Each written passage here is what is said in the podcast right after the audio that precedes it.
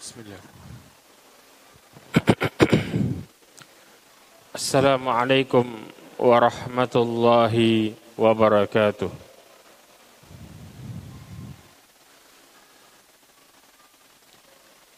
إن الحمد لله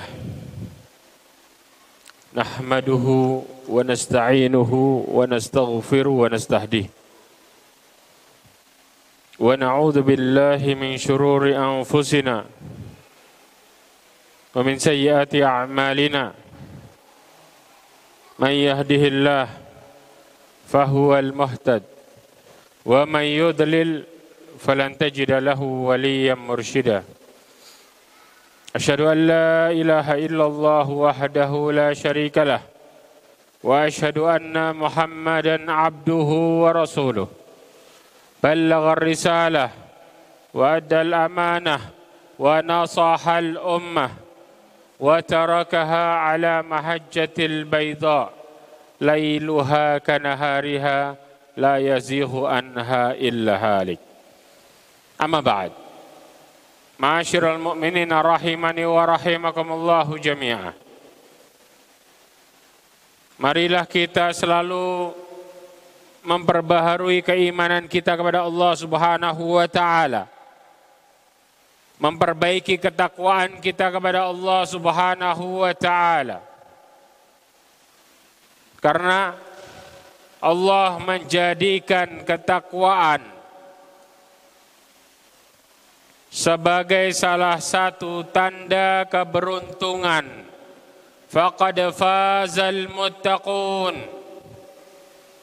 Sungguh beruntung mereka orang-orang yang bertakwa. Bahkan Allah Subhanahu wa taala berfirman di ayat yang lainnya Ya ayyuhalladzina amanu taqullaha wal tandur nafsum ma qaddamat lighad Allah berbicara tentang orang-orang yang mereka sadar tentang akhiratnya, masa depannya. Allah berbicara tentang ketakwaan. Dengan manggil wahai orang-orang yang beriman, bertakwalah kepada Allah. Hendaklah setiap jiwa memperhatikan apa yang diperbuatnya untuk masa depannya. Untuk negeri akhiratnya. Karena Allah mengatakan wattaqullah innallaha khabirum bima ta'malun. Allah nanti akan menyampaikan semua tentang apa yang telah kita perbuat. Bahkan ketika Rasulullah SAW menemui Umar bin Khattab dan Abu Bakar As-Siddiq radhiyallahu anhuma. Ketika mereka sedang menikmati sebuah minuman yang begitu lezat air korma Rasulullah mengatakan latus alunna yauma idin anin naim. Rasulullah memperingatkan mereka tentang hari esok. Engkau akan ditanya tentang nikmat ini nanti. Tentang nikmat nanti. Ketika dia umil hisab. Subhanallah Ma'asyiral mu'minin rahimani wa rahimakumullahu jami'ah. Salawat serta salam kepada Nabi Muhammad sallallahu alaihi wasallam.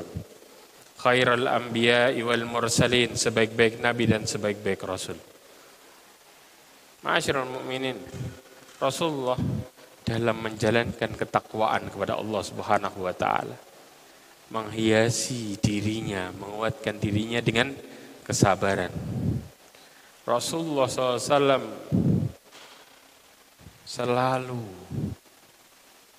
menasihati para sahabatnya tentang kesabaran. Begitu banyak nasihat Rasulullah SAW tentang kesabaran. Maka pada kesempatan kali ini kita akan membahas tentang bagaimana sabar itu. Dengan judul ketika kesabaranmu diuji.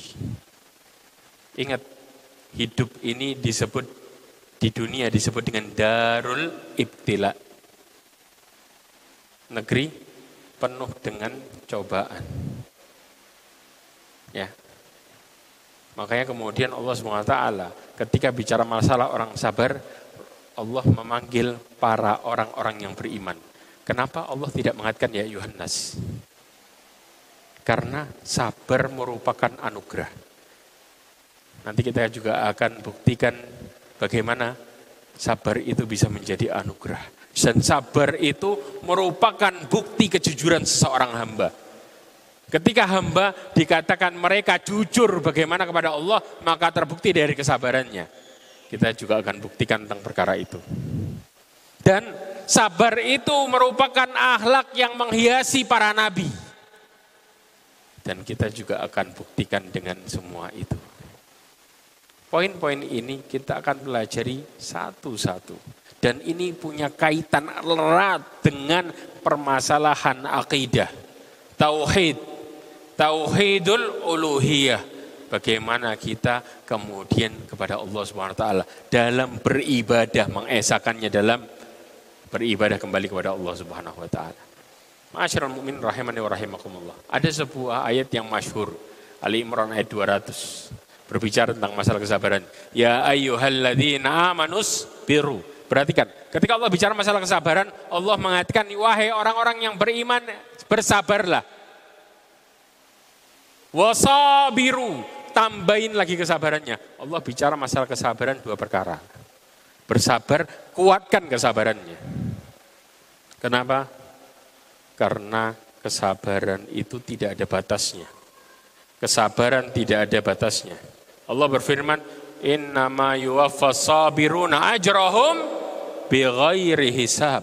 Allah memberikan pahala bagi orang-orang yang bersabar tanpa ada batasnya. Karena sabar itu tidak ada batasannya.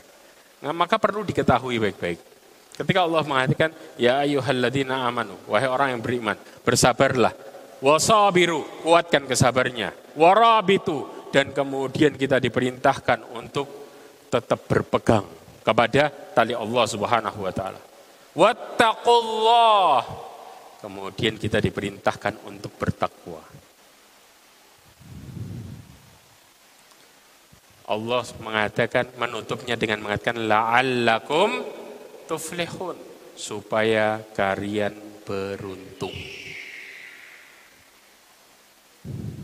Lalu bagaimana praktek kesabaran para nabi? Saya ingin menukil kisah yang pertama, perhatikan baik-baik kisah seorang nabi yang luar biasa bersabarnya. Nabi yang terkenal dengan cobaannya. Bagaimana kemudian ketika dia memiliki anak, kemudian Allah perintahkan untuk meninggalkannya. Siapa dia? Yang sampai disebut dengan Khalilullah, kekasihnya Allah. Siapa dia? Nabi Ibrahim. Ibnu Abbas mengetengahkan kisahnya. Lihat kisah ini diriwayatkan oleh Bukhari di dalam sahihnya. Perhatikan baik-baik. Ibnu Abbas mengatakan pertama kali kaum wanita, hadis yang panjang sebenarnya, memikat ikatan pinggang adalah karena meniru, meniru Ummu Hajar, eh, meniru Ummu Ismail, yaitu Hajar. Ya, di mana ia memakai ikat pinggang untuk menghilangkan jejaknya dari Sarah. Kenapa? Pada waktu melahirkan anak, istrinya Nabi Ibrahim cemburu, yaitu Sarah. Ya. Maka kemudian Nabi Ibrahim membawa Hajar dan putranya Ismail. Bayangin, baru lahir, baru diperintahkan oleh Allah Subhanahu wa taala untuk membawa ke tempat yang nggak ada tanamannya.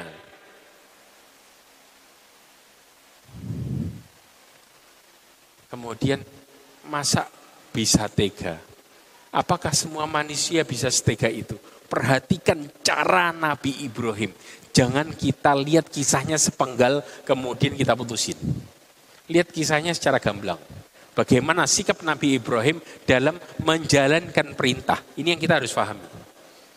Supaya kita juga bisa tahu titik kesabaran itu bisa berjalan dengan baik kalau istilahnya seperti itu. Paham ya? Saya lanjutkan lagi dalam keadaan Hajar menyusuinya karena baru lahir. Ya. Hingga Nabi Ibrahim meletakkannya di tempat yang nantinya akan dibangun Baitullah. Ya, akan dibangun Baitullah. Di dalam tafsir Ibnu Katsir, coba perhatikan Baitullah ini ada semenjak kapan? Bahkan Baitullah ini ada semenjak ada yang dinukilkan di kisah di mana ketika ya Qabil dan Habil berselisih. Ingat ayat itu? Ya. Silahkan buka di tafsir tersebut Ibnu Hajar, eh, Ibnu Kathir, ya, mengatakan di dalam tafsirnya bahwa pada waktu sebelum berselisih ada sebuah riwayat yang mengatakan bahwa Nabi Adam menitipkan Habil kepada Qabil. Nabi Adam menitipkan anak-anaknya kepada Qabil. Kata Qabil, aku akan menjaganya sebagaimana engkau pulang dan engkau akan bahagia dengan itu. Ya. Kenapa? Karena Nabi Adam ingin berangkat menuju ke Baitullah, rumah Allah yang Allah letakkan bagi manusia yang pertama. Berarti Baitullah sudah ada semenjak kapan? Semenjak Nabi Adam pun sudah ada. Tapi bentuknya bukan seperti sekarang. Paham ya? Makanya Allah berfirman, Inna awwala baiti wudi alin nasi lalladhi bibakkata mubarakah. Sesungguhnya rumah yang Allah taruh bagi manusia pertama kali adalah yang di Mekah. Paham di sini ya? Nah, kemudian Nabi Ibrahim ketika singgah di sana meletakkan di tempat yang akan dibangun Baitullah. Di dekat pohon besar di atasnya, yang di atasnya yang di bawahnya terletak sumur, terletak zam-zam nantinya, nantinya. Ya, jadi dulu di tengah-tengah bukit karena dalam posisi dulu Baitullah itu terletak di sekitarnya bukit-bukit. Makanya sekarang kalau kita kalau ke Mekah, kita letak melihat sebuah lembah, posisinya lembah. Kenapa? Di atas di sebelahnya samping-sampingnya gunung-gunung. Sebelum pembangunan yang sekarang kita ngelihat semua sekitarnya gunung semua. Dari mulai Jabal Umar, ya, yang kemudian jadi hotel Istana Raja itu dulu namanya Jabal Kubais. Bahkan di sebuah riwayat, ya, orang-orang Taif mau di beri, apa mau ditimpakan gunung adalah gunung terletak di sebelah Ka'bah pas yang disebut Jabal Ubais. Yang sekarang di atasnya ada istana raja, paham ya?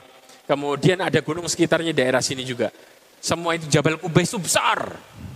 Jadi orang Taif di saat itu kalau ditimpain itu sama gunung satu desa habis. Karena saking besarnya Jabal Kubais. Sampai sekarang pun walaupun sudah dibangun berbagai macam, tapi masih ada sisanya karena saking besarnya Jabal Kubais. Paham ya sampai sini? Nah, kemudian di atas bagian masjid.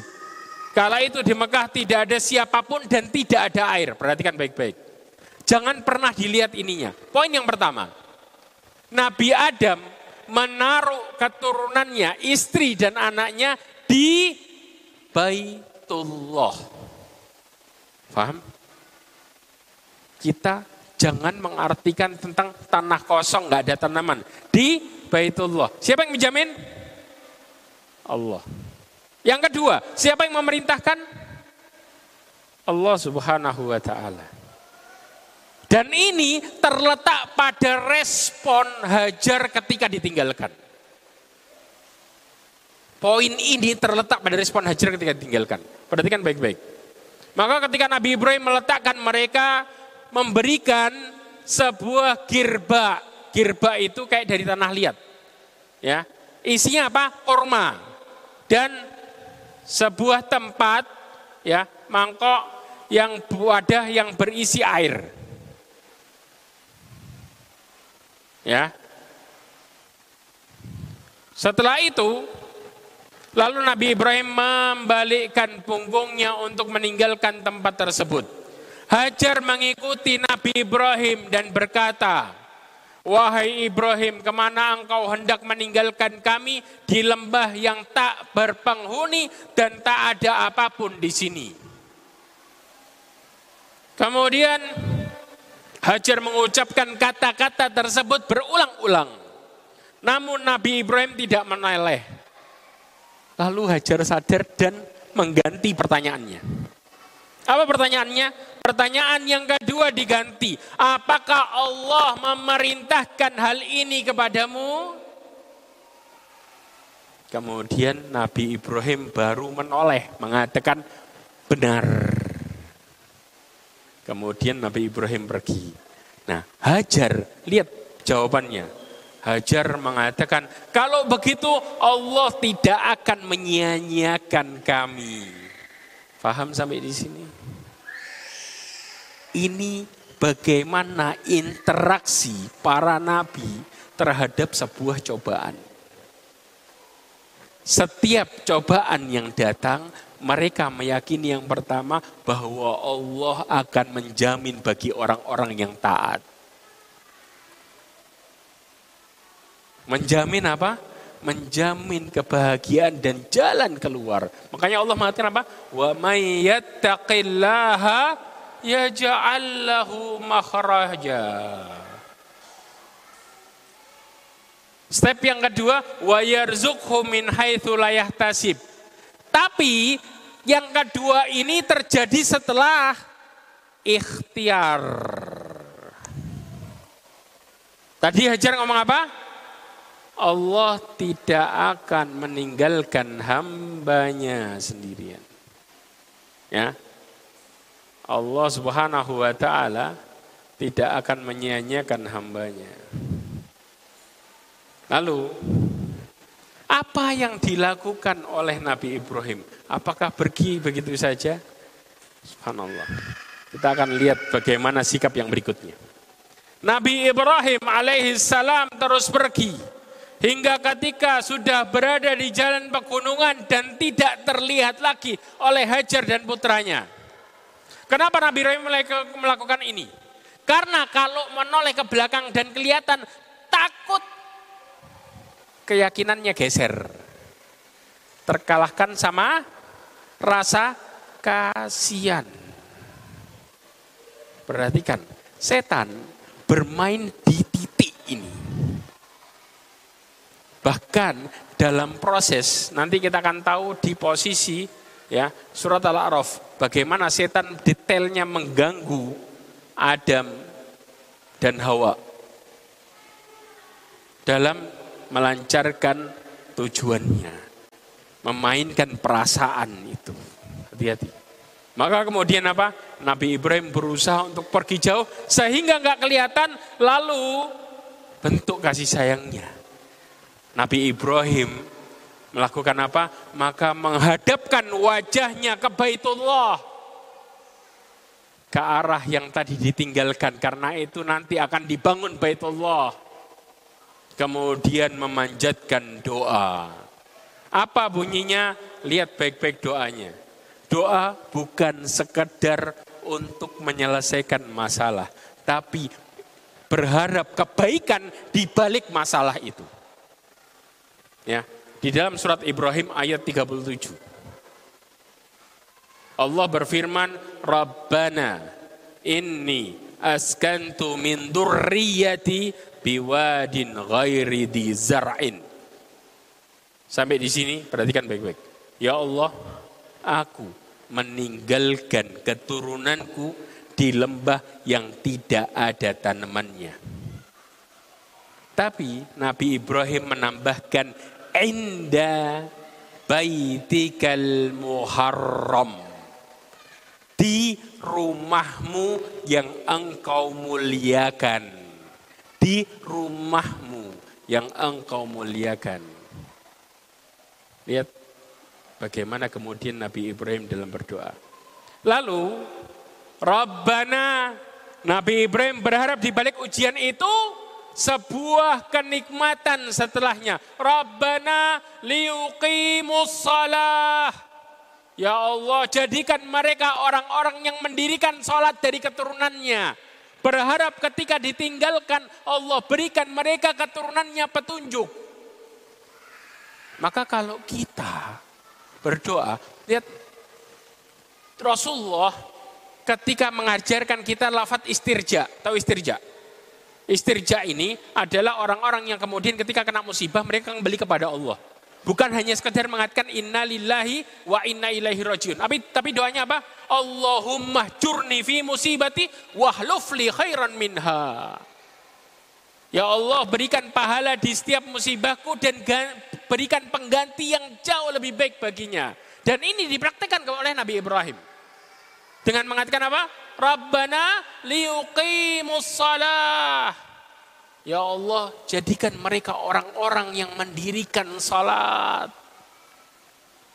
Makanya lihat, mereka para nabi di setiap musibahnya optimis berharap kepada Allah untuk mendapatkan setelahnya pengganti yang jauh lebih baik.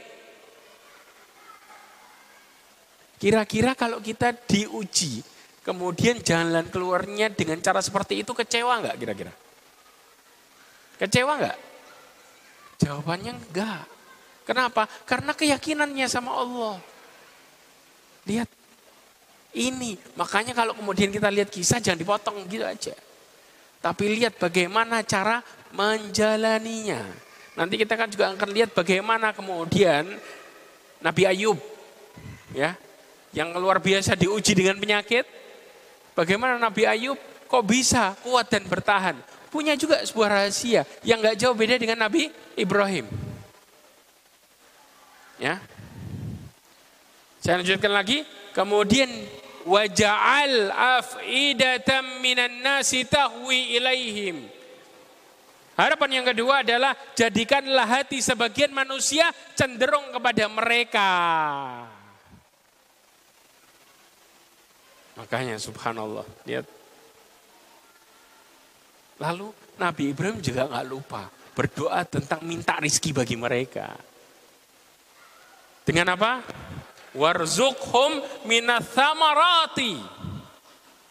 Berikan mereka rizki dari buah-buahan. Karena nggak ada tanaman. Subhanallah. Sekarang terbukti. Mekah Madinah itu buah-buahan apa yang nggak ada? Macam-macam ada. Karena doa siapa? Madi Mekah. Doanya Nabi Ibrahim. Tapi ditutup kata-kata doanya dengan mengatakan la'allahum yashkurun. Balik lagi ke ketaatan. Supaya mereka bersyukur. Maka lihat para nabi mendidik keluarganya. Mereka mendidik dengan selalu berharap kembali kepada Allah dengan kebaikan di setiap cobaan yang ada yang jadiin hidup mereka selalu bahagia. Makanya cobaan gak pernah buat mereka kecewa. Karena di balik itu mereka bisa berharap kepada Allah dalam setiap cobaannya. Maka kalau kita diuji dengan sistem yang sama, kita akan bahagia sama ujian itu. Yang jadi masalah enggak? Kita cuma apa? Ingat sama ujiannya, tapi nggak mau minta solusi. Akhirnya apa? Lama-lama jenuh dan hanya ngeluh dalam hidup serta berakhir dengan kekufuran atas nikmat Allah Subhanahu wa taala. Nauzubillah Karena cara yang salah. Paham sampai di sini ya? Oke. Maka kemudian bagaimana sikap Hajar? Hajar tadi ya mengatakan Allah tidak akan meninggalkan menyanyikan hambanya, menyanyikan kami. Ya. Maka setelah itu Hajar menyusui Nabi Ismail, bertahan meminum air yang tadi ditinggalin sama Nabi Ibrahim. Hingga airnya habis. Kemudian mulai kehausan. Begitu pula putranya Ismail. Maka Hajar menatap putranya yang meronta-ronta karena tak sanggup melihat keadaan putranya. Hajar berlari meninggalkan putranya. Nabi Ismail ditinggalin di mana? Ada yang tahu? Tahu nggak arti Hajar? Yang setengah lingkaran di Ka'bah. Itu namanya hijr. Kita kan ada hijir. Hijr. Hijr itu artinya pangkuan. Hijr Ismail. Paham ya? Berarti pangkuan Nabi Ismail. Nabi Ismail diletakkan di situ, kemudian di tempat yang tadi terakhir di situ. Ya, kemudian ditinggalkan dan ibunya cari air. Ya. Maka kemudian berangkatlah. Maka Kita pernah dengar gak? Ada riwayat yang mengatakan bahwa sesungguhnya air zam-zam itu keluar ketika Nabi Ismail menghentakkan kakinya. Pernah ya? Tahu riwayat itu? Itu riwayat lemah. Kita bicara dari riwayat yang Bukhari. Perhatikan baik-baik riwayat ini. Ya. Setelah itu maka Hajar pun menuju ke Bukit Sofa. Ya, bukit yang terdekat darinya. Ia naik ke bukit, berdiri di sana dan memandang kepada lembah yang baru saja ia tinggalkan. Lembah yang dimaksud adalah Ka'bah. Ya. Berharap ada orang di sana, ternyata tidak ada orang seorang pun selain mereka berdua. Maka ia turun menuju kepada sofa dan terus berlari kecil melewati lembah sehingga sampai ke Bukit Marwa. Berlari kecil. Kenapa antara dua lampu hijau berlari? Ada yang tahu? Karena sebelumnya lembah. Maka Hajar pun berlari. Jadi subhanallah, orang sa'i sofa ke Marwa posisi persis Hajar cari air. Ya, Kemudian karena dikatakan oleh Ibnu Abbas tentang riwayat ini. Berarti lihat baik-baik Ibnu Abbas mengatakan apa. Ya. Kemudian ia berdiri di sana untuk memeriksa apakah ada orang yang terlihat namun tidak ada seorang pun. Maka ia melakukan itu sebanyak tujuh kali. Kemudian Ibnu Abbas berkata, Rasulullah SAW bersabda, Fadalika sa'yun nas bainahuma. Maka itulah sa'i manusia di antara keduanya. Maka cara sa'i kayak hajar cari air. Di sofa berhenti enggak? Berhenti. Disunahkan berdoa. Kalau kalau hajar ngelihat sana sini. Lihat. Setelah tujuh kali ya selesai maka tatkala itu hajar berada di atas marwah, ia mendengar suara berkata kepada dirinya, diamlah. Suruh berhenti. Lalu ia mencari dengan seksama suara dan ia berkata, engkau sudah mendengarkan suaramu, bila memang engkau bisa menolong, tolonglah. Ternyata ia dapati sosok malaikat. Ini riwayat yang ada di dalam Sahihul Bukhari. Ya, dan ini juga dinukil oleh Syekh Mubarak Furi di dalam kitab Sirah Nabawiyah. Ya, ditempatkan air zam-zam yang sedang mencari dengan kakinya. Di riwayat perawi mengatakan di riwayat yang lain dengan sayapnya. Siapa yang gali? Malaikat. Bukan hentakan Nabi Ismail. Paham ya? Setelah itu maka muncullah air. Hajar pun membendungnya. Lalu menciduknya ke wadah air. Ibnu Abbas mengatakan Rasulullah SAW bersabda, Ya rahamullahu ummu Ismail, lau tarakat zamzam, au qala, lau lam taghrif minal ma'i, lakanat zamzamu ainan mu'ina. Dikatakan semoga Allah merahmati ibunya Ismail. Sekiranya ia membiarkan air zam-zam ya dan tidak menciduknya maka air zam-zam akan menjadi mata air yang mengalir bukan jadi sumur. Begitu dicuduk kemudian masuk jadi sumur. Subhanallah. Ini hasil dari ikhtiar maka muncullah air yang berkah luar biasa sepanjang masa terbaik Ikhtiar di mana ketika orang di posisi yang sama semua orang akan mengatakan dari mana bisa hidup. Tidak ada tanaman aja nggak ada. Tapi perkataan Hajar mengatakan Allah tidak akan menyia-nyiakan hambanya. Ini catat dengan baik. Maka setiap musibah itu Allah berikan di baliknya kebaikan bagi orang-orang yang terkena. Ya, dan tidak ada sia-sia sama sekali di situ. Allah tidak akan pernah meninggalkan. Ketika kita mensikapinya dengan benar. Orang yang kena musibah tadi, ya bersikap dengan apa? Berusaha. Allah berikan jalan keluar yang penuh dengan keajaiban. Lihat. Ya, ini yang terjadi. Yang kedua, contoh dari kejadian Nabi Ayub alaihissalam. Nabi Ayub alaihissalam, ya, sampai sikap Nabi Ayub dijadikan oleh seorang oleh ulama sebagai pengertian pengertian arti kesabaran sebenarnya. Sikap Nabi Ayub dijadikan oleh ulama pengertian arti kesabaran sebenarnya. Nabi Ayub alaihissalam ketika menghadapi penyakitnya, Allah memberikan rekomendasi di dalam surat Sot ayat 44. Allah berfirman, Inna wajadnahu sabira. Kami mendapati Nabi Ayub dalam keadaan bersabar. Kira-kira Nabi Ayub ngeluh enggak sama penyakitnya? Ngeluh enggak? Hah? Ngeluh. Tapi ngeluhnya bukan seperti kita. Kalau kita salah alamat. Ngeluhnya sama siapa? Sama manusia. Kalau Nabi Ayub ngeluhnya sama Allah. Dan ini pengertian kesabaran yang sebenarnya. Allah Subhanahu wa taala berfirman dalam surat Al-Anbiya ayat Al-Anbiya ayat 83. Wa ayyuba idna darabbahu anni masani durra wa anta arhamur rahimin. Dan Nabi Ayub ketika bermunajat, berdoa kepada Allah, sesungguhnya aku ditimpa kesusahan.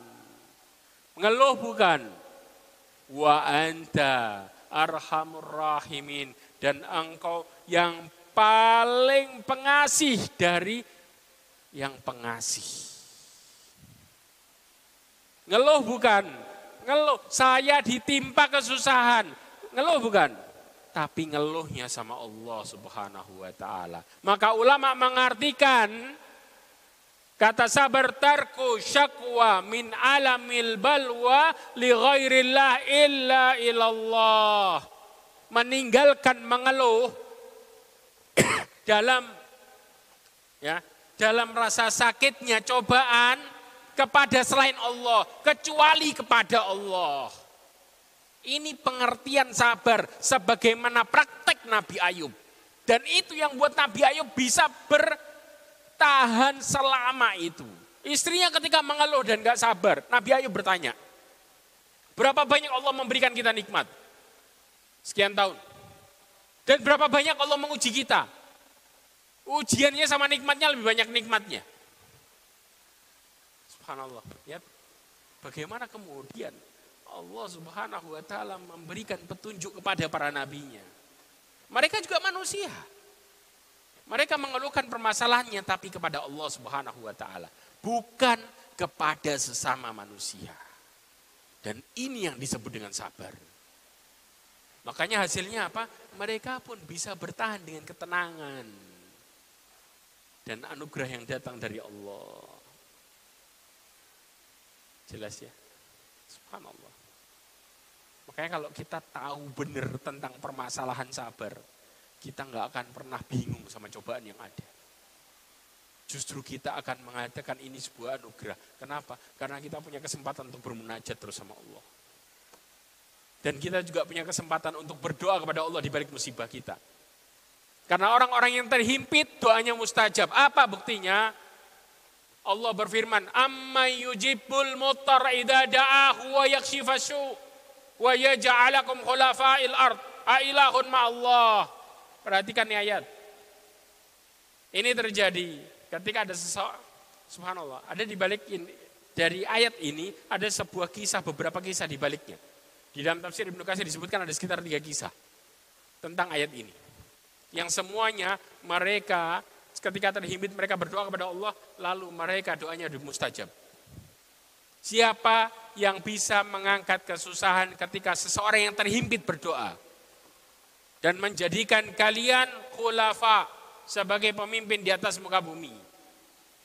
Tapi pemimpin yang baik, pemimpin yang selalu kembali kepada Allah. Berarti orang yang terkena musibah doanya mustajab. Makanya lihat, Nabi Ayub berdoa, Nabi Ibrahim berdoa. Para nabi semua berdoa di balik musibahnya. Ya. Nah, sekarang kita orang-orang yang bersabar tadi, subhanallah. Apa yang menjadi kelebihan mereka? Ya. Kita membahas poin ini juga. Yang pertama, sabar merupakan bukti kejujuran kita sama Allah. Ya, bukti kejujuran kita sama Allah. Kalau kita orang yang benar di, di atas jalannya, maka kita akan menjadi orang-orang yang bersabar. Tapi kalau kita hanya sekedar berkata-kata, maka kita nggak akan mudah untuk bersabar. Allah berfirman di dalam surat Al-Furqan ayat 20. Lihat baik-baik. Kata Allah, وَجَعَلْنَا بَعْضَكُمْ لِبَعْضٍ فِتْنَةً أَتَصْبِرُونَ wa kana rabbuka basira. Allah berfirman, kami jadikan sebagian kamu dengan sebagian yang lain sebagai ujian. Terkadang ujian datangnya dari mana? Sekitar kita. Allah mengatakan, apakah kalian bersabar atas birun? dan Allah subhanahu wa ta'ala Rabbmu maha melihat. Ibnu Kathir mengatakan, kami uji sebagian kalian dan sebagian yang lain. Kami berikan cobaan sebagian kalian dengan sebagian yang lain. Agar kami mengetahui siapa orang yang taat dan siapa yang durhaka. Maka cobaan bukti kejujuran kita dengan kita mengatakan beriman. Buktinya di cobaan tadi. Karena Allah ingin tahu mana yang taat, mana yang bohong sama ke ketaatannya. Hanya sekedar di mulut tapi nggak sampai di praktek. Jelas? Satu. Dua. Ketika orang dolim ingin menghancurkan hidupmu, maka senjatanya adalah kesabaran. Orang yang dolim ingin menghancurkan kita, Allah berikan kita kekuatan dengan kesabaran. Surat Ibrahim ayat 12. Allah berfirman, "Wala nasbiranna ala ma adaitumuna wa 'ala Allahi falyatawakkalil mutawakkilun." Ya. Ketika mereka diuji dengan mengatakan, "Kami akan bersabar terhadap gangguan-gangguan kalian terhadap kami." ya. Musuhnya ketika menjadi cobaan bagi orang-orang yang beriman, kami akan bersabar. Tapi diiringi dengan apa? Wa 'alallahi falyatawakkalul mutawakkilun. Dan kepada Allah lah orang-orang berserah diri. Sabar mereka diiringi dengan tawakal. Maka Ibnu Katsir mengatakan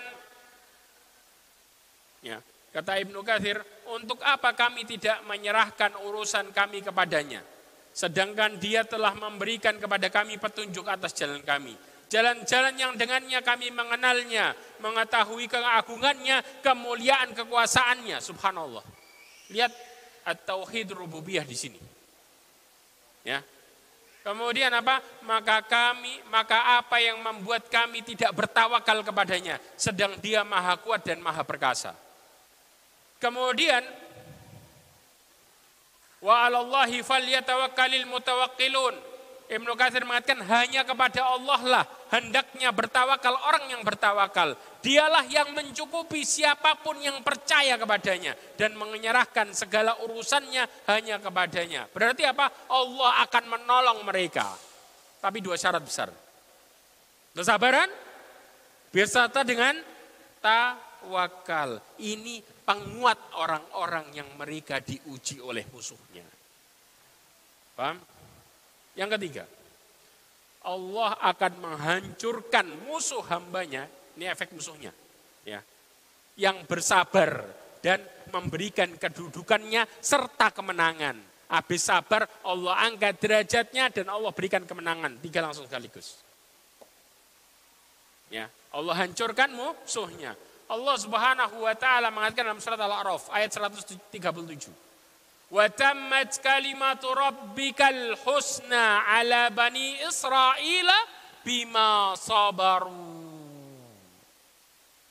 Allah berfirman dan telah sempurnalah perkataan Allah Subhanahu wa taala yang baik sebagai janji untuk Bani Israel dengan apa yang mereka sabarkan. Lihat apa yang terjadi oleh Bani Israel. Mereka mereka dihimpit oleh siapa? Oleh Firaun beserta pasukannya. Ya. Maka kemudian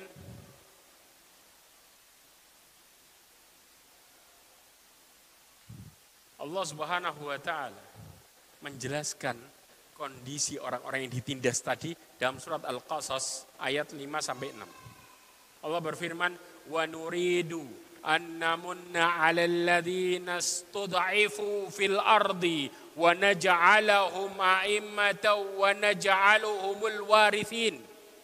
Kata Allah, kami hendak memberikan karunia orang-orang yang tertindas di bumi Mesir. Ya, dan hendak menjadikan mereka pemimpin dan menjadikan mereka orang-orang yang mewarisi. Mewarisi apa? Mewarisi bumi. Dengan kepemimpinan kemuliaan yang Allah berikan. Dan kami akan teguhkan kedudukan mereka di atas muka bumi. Dan kami akan perlihatkan kepada Fir'aun. Dan Haman beserta tentaranya apa yang selalu mereka khawatirkan dari kaum Bani Israel. Yaitu apa? Kehancuran maka kemudian Allah mengatakan dalam surat Al-A'raf ayat 137, "Wa dammarna yasna'u fir'aunu wa qaumuhu." Kami hancurkan semua yang diperbuat oleh Fir'aun dan kaumnya. Di balik kehancurannya Allah berikan kemenangan kedudukan kepada Bani Israel. Karena sabar. Dari sabar Allah berikan tiga langsung. Musuhnya hancur, mereka mendapatkan kemenangan serta Allah berikan kemuliaan. Kemuliaan. Sudah dan masih tiga menit ya. Kita lanjutkan. Habis itu nanti selesai adan, kita salat dulu baru kemudian kita lanjutkan. Kata-kata marna ya, adalah Ibnu Katsir mengatakan kami rusak semua yang dibuat oleh Firaun dan kaumnya berupa bangun, bangunan dan lahan pertanian semuanya Allah hancurin semua. Jadi apa yang dibangun semuanya habis serta diberikan kemenangan. Lihat Allah yang memberikan itu. Jelas sampai di sini. Ada sisa enggak tuh pasukan? Habis. Tenggelam. Bisa sebuah kaum melakukan itu? Dihabisin total? Enggak gampang. Dalam sekejap. Masyarul mu'min rahimakumullah. Yang keempat. Allah memberikan kesabaran datang bersama ketaatan. Pegang baik-baik. Allah memberikan kesabaran datang bersama ketaatan. Artinya orang yang sabar, mereka juga harus taat.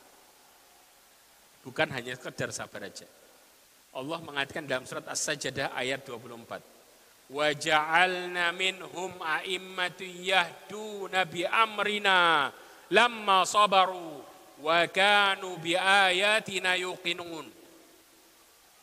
Allah Subhanahu wa taala berfirman dan kami jadikan di antara mereka pemimpin-pemimpin yang memberikan petunjuk dengan perintah kami, memberikan petunjuk dengan perintah kami. Artinya apa? Ketaatan.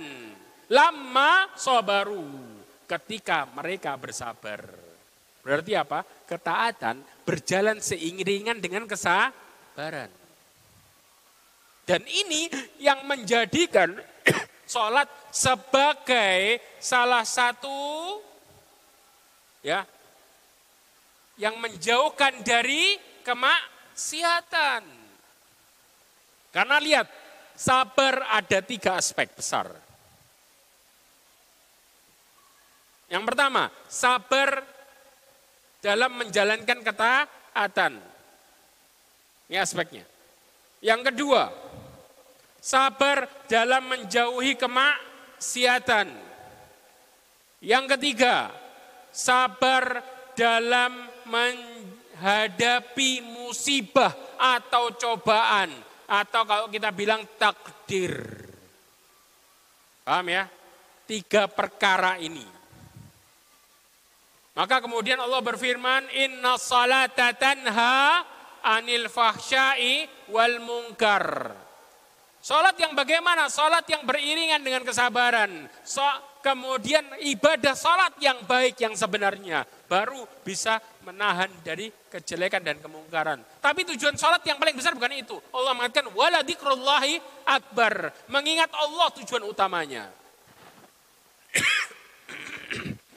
Paham ya? Sudah adzan? Sudah ya? Oke, silahkan adzan. Kemudian insya Allah kita lanjutkan berikutnya.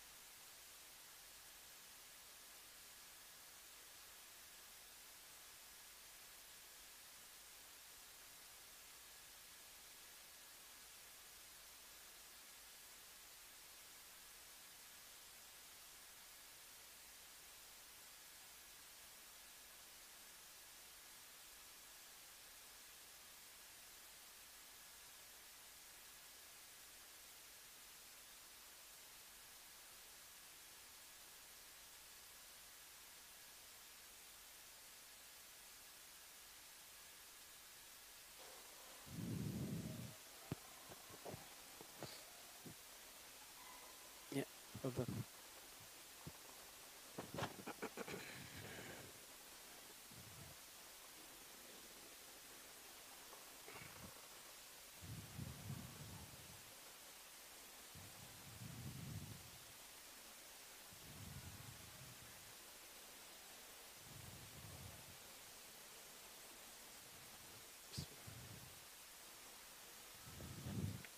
Bismillahirrahmanirrahim.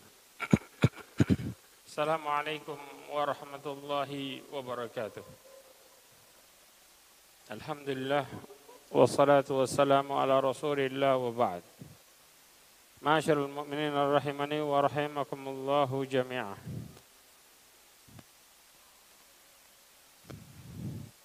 Kita teruskan lagi pembahasan kita. Ketika kita berbicara masalah antara kedudukan dan cobaan. Ya, perhatikan baik-baik. Ya, kapan Allah memberikan kemuliaan kepada hamba-hambanya yang dicoba? Ya, dan kapan Allah memberikan cobaan kepada mereka? Perhatikan ketika kita bicara ini, mana yang lebih dahulu? Allah berikan kemuliaan atau Allah berikan cobaan mereka. Ya. Dan mana yang lebih baik? Kemuliaan kemudian bersyukur atau cobaan kemudian bersabar?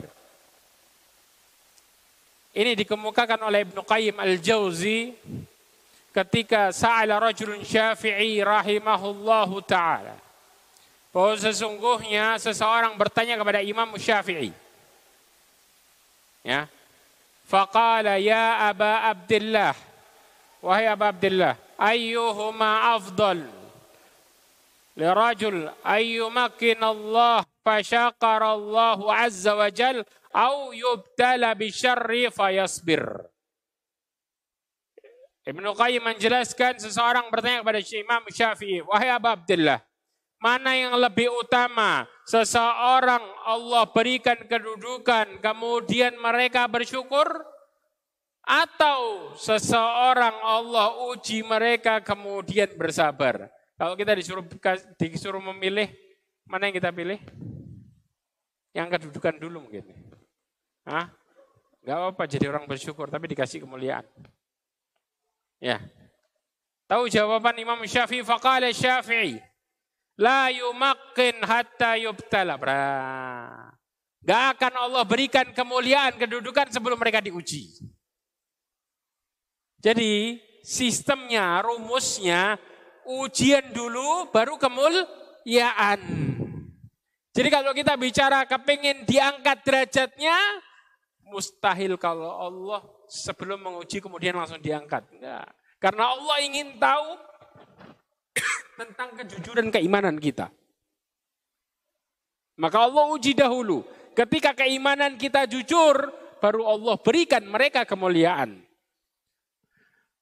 Maka Imam Syafi'i berdalil, inna Allah ibtala Nuhan wa Ibrahim wa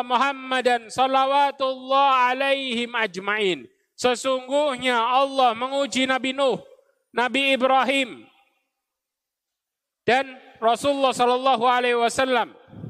Ya. Falamma sabaru makkannahum. Ketika mereka bersabar, baru Allah kasih kemuliaan. Maka kata Imam Syafi'i, "Fala yadhunnu ahad ayyu khallasu minal alamil battah." Maka jangan pernah Seseorang menyangka mereka akan lepas dari yang namanya ujian. Sama sekali jangan pernah mengira itu. Oh langsung dikasih kemuliaan. Enggak. Ini disebutkan di dalam kitabul fawaid oleh Ibnu Qayyim al-Jauzi. Paham di sini ya? Ini kaidah yang penting. Jadi kalau kita mau berbicara kemuliaan dari Allah, maka kita harus menghadapi ujian dulu ujian yang bentuknya sebagai kejujuran kita. Kita buktikan kita kembali kepada Allah. Kejujuran keimanan kita kepada Allah subhanahu wa ta'ala. Itu yang terjadi. Bicara sabar yang berikutnya, yang kelima, sabar adalah anugerah. Ya, sabar adalah anugerah. Kenapa sabar disebut anugerah? Ya, ada beberapa sebab yang Allah berikan. Ya, yang pertama adalah sabar datang setelah usaha. Sabar datang setelah usaha. Rasulullah SAW mengatakan dalam hadis yang diriwayatkan oleh Bukhari di dalam kitab zakah. Rasulullah mengatakan wa may yatasabbar yusabbirahullah. Barang siapa yang berusaha bersabar maka Allah akan berikan kesabarannya.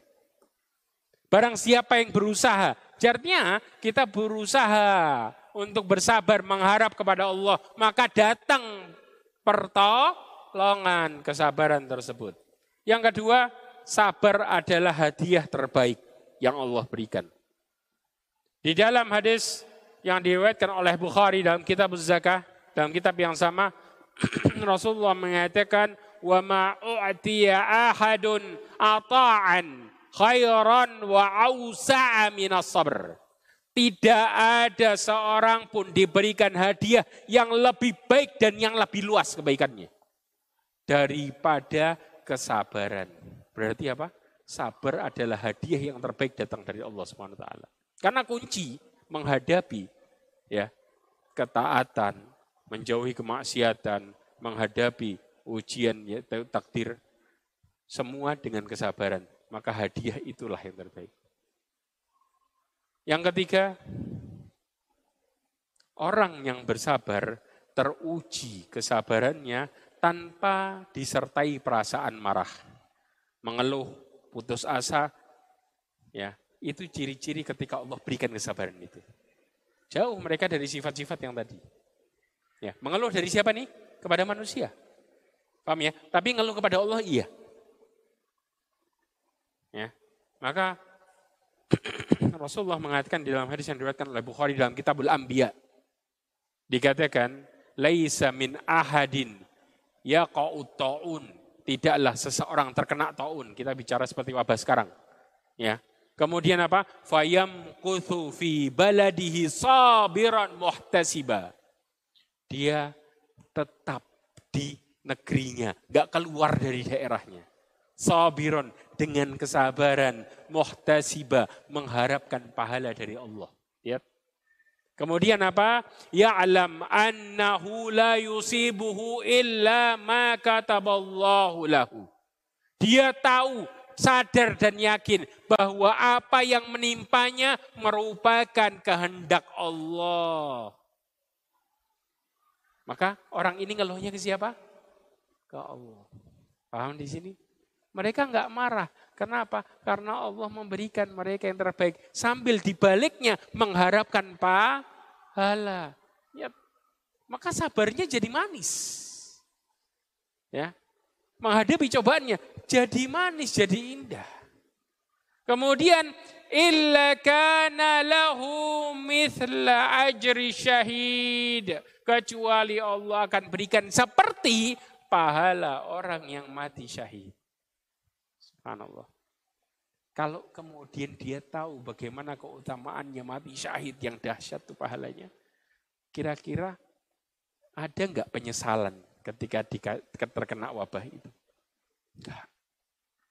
Karena mereka bahagia dengan anugerah yang Allah berikan. Makanya ciri-cirinya apa? Orang yang memahami ini, mereka jauh dari keluhan manusia.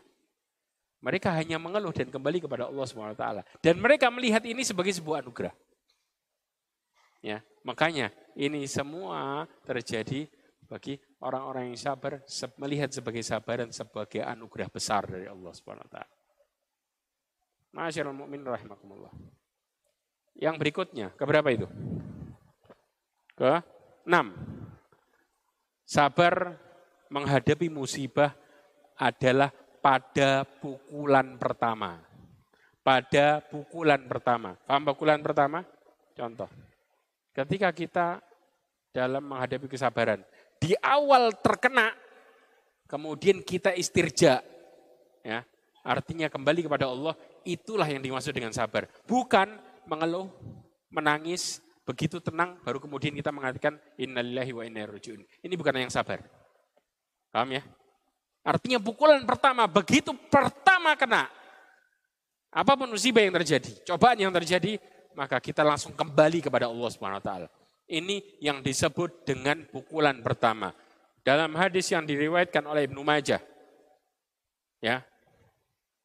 Kemudian Syekh Albani menuliskan dalam kitab Jazais. Ya. Dihasankan oleh Albani dikatakan Ibnu Adam. Ida sabarta wahtasabta inda sadamatil ula. Wahai keturunan Adam, ketika kalian bersabar, hadis kudsi. Perhatikan, wahai Ibnu Adam, ketika kalian bersabar, ya, kemudian mengharapkan pahala dari Allah Subhanahu wa taala, ihtisab. Ya, inda sadamatil ula, ketika kejadian pukulan pertama, kejadian pertama, ya, lam arda laka thawaban dunal jannah. Kata Allah, aku tidak akan pernah ridho dan tidak akan pernah senang memberikan pahala kepadamu kecuali surga. Tapi dengan syarat apa? Pukulan pertama, kejadian pertama langsung balik kepada Allah.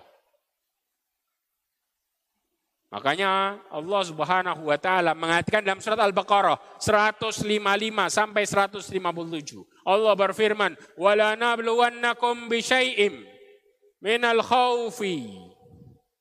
Coba fahami baik-baik ayat ini supaya kita tidak melihat musibah kita sebagai malapetaka. Allah berfirman, walanabluwannakum. Ujian itu pasti. Kami pasti menguji kalian. Allah mengatakan dengan lamut takkid dan nun taukid. Paham? Maka Allah mengatakan pasti kami akan menguji kalian. Walanabluwannakum lamut taukid. Ya. Bisain. Yang kedua, Allah mengatakan dengan sebagian kecil.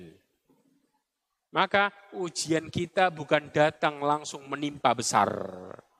Allah uji kita dengan sebagian kecil. Kenapa kita melihat sebagai ujian besar? Karena kita melihatnya masalah begitu lewat, kita masih ingat masalah itu. Maka seakan-akan masalah itu kumpul semua sama kita. Padahal Allah mengatakan bisain dengan sedikit. Ya. Yang pertama apa? Ujian paling berat adalah rasa takut. Bil minal khaufi wa naksim minal amwali. Kekurangan harta. Kekurangan harta itu kedua. Pertama takut. Berapa banyak orang yang ketakutan macam-macam masalahnya belum menghadapi masalah udah ketakutan. Dengan kata-kata pesimis tadi. Dengan mengatakan kalau nanti gini gimana? Semua itu dikatakan olehnya dengan dalil berhati-hati atau berpikir yang paling gak enak dulu. Ini lama-lama kalau kita ikutin kita jadi suudon sama Allah. Paham ya? Orang kadang-kadang, Ustaz kita kan juga harus berhati-hati Ustaz. Memikirkan yang terburuk dulu. Ini kalau diikutin kita lama-lama jadi suudon. Isinya suudon semua sama Allah. Ya enggak? Padahal kejadian kenyataan sama pikiran kita lebih serem mana? Lebih serem pikiran kita. Lebih serem don kita daripada kenyataan yang Allah berikan. Hati-hati. Makanya kemudian Allah memberikan kita stepnya. Rasa takut, kekurangan harta, kekurangan jiwa, wathamarat, kekurangan buah-buahan. Tapi Allah katakan wabasyiris sabirin. Berikan kabar gembira orang pada orang-orang yang sabar. Siapa mereka? Waktu pukulan pertama. Alladzina idza asabat musibah qalu inna lillahi wa inna ilaihi rajiun. Allah berikan kepada mereka langsung. Tiga. Ulaika alaihim salawatu min rabbihim. Wa rahmah. Wa ulaika humul muhtadun. Orang-orang yang istirja, kembali langsung kepada Allah, Allah berikan tiga. Allah puji mereka, Allah subhanahu Allah akan berikan salawat kepada mereka satu. Yang kedua, kasih sayangnya. Yang ketiga, Allah berikan mereka petunjuk di balik musibahnya. Nah, bagaimana prakteknya? Praktek orang-orang yang istirja tadi, yang mereka kembali kepada Allah Subhanahu wa taala dalam musibahnya. Ada sebuah hadis yang diriwayatkan Imam Muslim di dalam sahihnya dari Ummu Salamah, kejadian Ummu Salamah. Paham ya? Hadis ini Rasulullah SAW mengatakan, ya, ma min abdin tusibuhu musibatun fayaqulu inna lillahi wa inna ilaihi raji'un Allahumma ajurni Allahumma ajurni fi musibati wa khluf li khairan minha illa ajru illa ajarahu Allah min musibatihi wa akhlafa lahu khairan minha.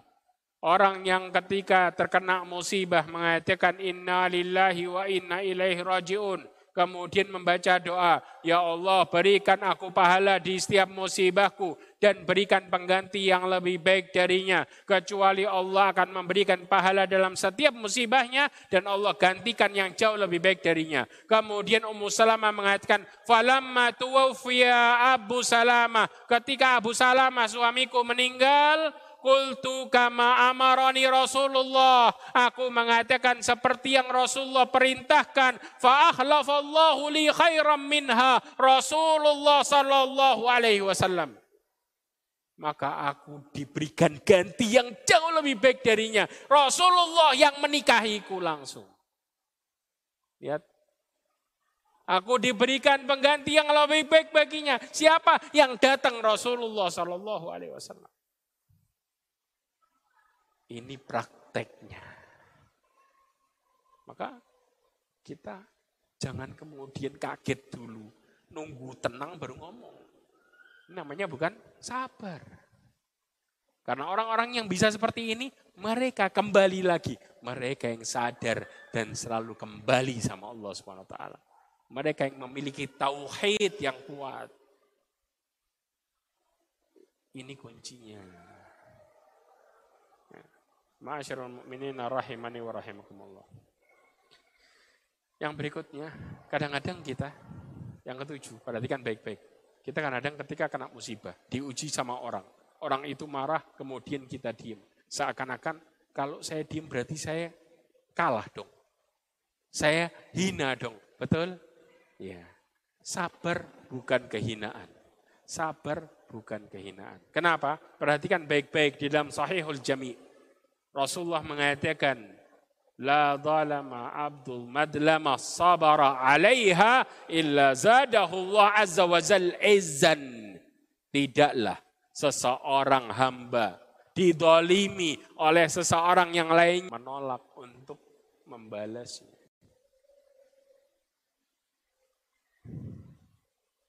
Ya. Allah Subhanahu wa taala berfirman, Kata Allah ketika Habil Qabil mengatakan la aqtulannak. Qala inna ma yataqabbalallahu minal muttaqin. Ya, ketika Qabil mengatakan aku akan membunuhmu. Kata Habil sesungguhnya Allah men, akan menerima dari orang-orang yang bertakwa. Dan kemudian di saat di ayat setelahnya Allah mengatakan bahwa sesungguhnya Habil tidak akan pernah mau berbuat sebagai yang Qabil lakukan. Ma'asyiral mu'min rahimani wa rahimakumullah. Ya. Insya Allah secara detailnya saya akan ceritakan ini dan berikan contoh besok. Ya. Yang ke delapan, jawaban masalahmu ada dalam kesabaranmu jawaban masalahmu ada di sabarmu. Kenapa? Abdullah ibn Abbas. Ya. Waktu itu dinasihati oleh Rasulullah SAW. Di dalam disebutkan di dalam Musnad Imam Ahmad, kemudian disahkan oleh Albani dalam kitab Sahihul Jami. Wa'alam anna fi sabri ala mastaqarahu khairan kathira wa anna nasra ma'as sabr wal faraja ma'al qarb wa anna ma'al usri yusra Rasulullah mengatakan, ketahuilah sesungguhnya di dalam kesabaran terhadap yang tidak disukai, terdapat kebaikan yang banyak. Kenapa? Sesungguhnya kemenangan terjadi bersama kesabaran. Kemenangan terjadi bersama kesabaran. Kelapangan terjadi bersama kesusahan. Makanya Allah mengatakan apa? Fa inna ma'al usri yusra. Susah dulu apa senang dulu? Susah dulu baru senang. Makanya orang yang bersyukur luar biasa ketika mereka dikasih ujian, kemudian berdapat jalan keluar, maka mereka bersyukurnya luar biasa. Bukan dibalik. Ya. Kemudian juga dikatakan sesungguhnya kesusahan datang bersama dengan kemudahan. Jadi pegang ini. Pegang ibarat ini. Bahkan ujian yang paling besar bagi manusia, yaitu apa? dalam kehidupan muamalah, kehilangan anak. Siapa yang nggak ngerasa berat? Mungkin kita mana yang lebih berat, kehilangan orang tua atau anak? Hah? Para orang tua? Kehilangan orang tua atau anak? Bingung. Kalau, kalau ngomong kehilangan anak, nanti takut durhaka sama orang tua. Hah? Kita bicara jujur aja. Kadang-kadang anak beratnya luar biasa. Karena apa? Lahir, kita yang besarin ini. Kadang-kadang orang tua subhanallah rela untuk menggantikan nyawa anaknya nggak ada. Sampai seperti itu. Ya. Nah, perhatikan baik-baik.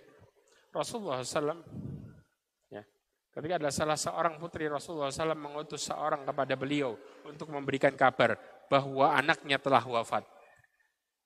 Beliau mengutus kepadanya dengan bersabda, inna lillahi ma akhada wa lahu ma a'ta wa kullu indahu bi ajalim musamma faltasbir wal tahtasib Ketika Rasulullah SAW diutus kepadanya dikasih tahu anaknya meninggal, Rasulullah memberikan nasihat.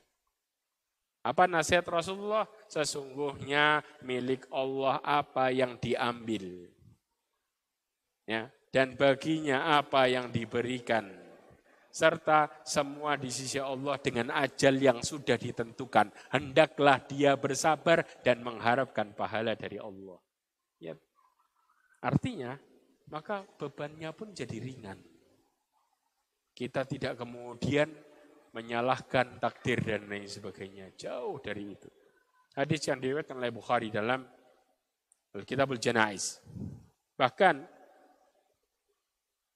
ada sebuah cerita kisah seorang perempuan yang kena penyakit ayan. Tahu ya? Kemudian saat itu dia minta kepada Rasulullah untuk mendoakan kesembuhan. Rasulullah mengatakan apa? Kata Rasulullah, "In syi'ta sabarta walakil jannah, wa in syi'ta da'autullaha ayu afiyak." Kalau engkau mau, engkau bersabar, engkau dapat surga. Tapi kalau engkau mau, aku mendoakanmu untuk supaya Allah menyembuhkanmu. Mana yang dipilih perempuan ini? dipilih untuk bersabar. Dipilih untuk bersabar dalam musibahnya. Dia tidak minta untuk disembuhkan. Tapi dia mengatakan apa? Wahai Rasulullah, aku takut ketika kena penyakit ayan, kemudian tersingkap auratku. Maka Rasulullah mendoakan supaya auratnya tidak tersingkap. Rasulullah tidak mendoakan supaya dia sembuh. Supaya apa? Allah memberikan dia balasan yang besar surga. Kira-kira nih kita tambah ringan tidak kena musibah ketika kemudian solusinya seperti ini. Kita akan merasa ringan. Ini dia. Bagaimana kesabaran berjalan di zaman Rasulullah SAW. Paham ya? Dan bahkan orang miskin bahagia dengan kemiskinannya. Kenapa? Gara-gara sabar. Di dalam hadis yang diriwayatkan oleh Muslim dalam kitab Zuhud. Rasulullah mengatakan, fuqara'ul muhajirina yasbiquna al-aghniya'a yawmal qiyamah ilal jannah bi arba'ina kharifa. Orang-orang miskin dari muhajirin akan mendahului orang-orang kaya yang taat. Di hari kiamat nanti dengan 40 tahun lebih dulu masuk surga. Bayangin, kira-kira orang miskinnya kecewa nggak jadi orang miskin? 40 tahun. Kecewa orang miskin. Mereka akan semakin menerima apa yang Allah berikan kepada mereka. Dan nggak berharap dan iri sama orang-orang kaya. Tapi jawabannya, apakah mereka kemudian santai-santai berharap tambah miskin? Enggak. Mereka tetap ikhtiar. Tapi tidak berikhtiar menjadikan dunia sebagai tujuan utamanya. Makanya salah satu doanya wala taj'ali dunya akbara hammina wala mablagha ilmina. Salah satu doa yang dipanjatkan adalah jangan engkau jadikan dunia sebagai tujuan utama kami. Lihat. Ini yang terjadi. Nah, Lalu kadar cobaan terjadi tergantung keimanan yang ada. Ya. Kadar cobaan terjadi tergantung keimanan yang ada. Perhatikan baik-baik ini. Nanti saya tutup, mungkin ada satu dua pertanyaan, kemudian ada sebuah kisah yang penting kita jadikan ini sebagai muhasabah. Rasulullah SAW ketika ditanya, di dalam hadis yang diriwayatkan oleh Ibnu Majah, di dalam kitab Al-Fitan. Berarti kan Ibnu Majah masukkan hadis ini dalam kitab Al-Fitan. Fitan itu apa? Fitnah, cobaan. Ya. Disebutkan ayun nasi asyaddu balaan. Seseorang bertanya kepada Rasulullah, wahai Rasulullah siapa yang paling berat cobaannya? Faqala al-anbiya thumma al-amthal fal-amthal. Rasulullah mengatakan para nabi, kemudian yang sepertinya dan kemudian yang sepertinya. Kita tahu yang sepertinya siapa? Para sahabat. Ya, generasi-generasi yang setelahnya. Ya. Kemudian yubtalal abdu ala hasabi dini. Allah menguji seseorang hamba berdasarkan kadar agamanya, tebel tipisnya. Paham ya? Fa in kana fi dinihi salban. Kalau agamanya semakin tebal, maka ujiannya juga semakin tebal. Paham ya? Kenapa? Karena Allah memberikan di balik keimanan yang tebal ketenangan. Maka datang ujian yang besar pun tidak akan menggoyahkan keimanannya ketika mereka benar-benar orang-orang yang bertakwa tadi. Jujur sama keimanannya. Cobaannya nggak akan pernah menjadi besar. Bagi orang lain yang imannya tipis melihat orang yang imannya tebal, cobaannya berat. Karena nggak sesuai dengan mereka. Ya. Kemudian karena ada tujuan besar nanti di baliknya. Wa in kana fi dinihi riqatan ibtala yubtala au ubtulia ala hasabi dini. Kalau seandainya agamanya rapuh, mereka diuji berdasarkan kadar agamanya. Fama yarbahul bala'u bi'abdin hatta yatrukahu yamshi alal ardi wa ma'alaihi khati'ah. Maka Rasulullah mengatakan bahwa cobaan yang menyertai seorang hamba tidak akan pernah meninggalkannya sampai mereka meninggalkan berjalan di atas muka bumi dan tidak ada lagi kesalahan baginya. Ini tujuan besarnya. Makanya kemudian orang-orang yang imannya tebal, mereka semakin mulia dengan cobaan. Dan cobaan itu menjadikan setelahnya kenikmatan, kedudukan yang mulia. Paham ya? Tadi ujian baru kedudukan. Ya. Masyarul mu'minin rahimani wa rahimakumullah. Mungkin ini uh, yang bisa saya sampaikan.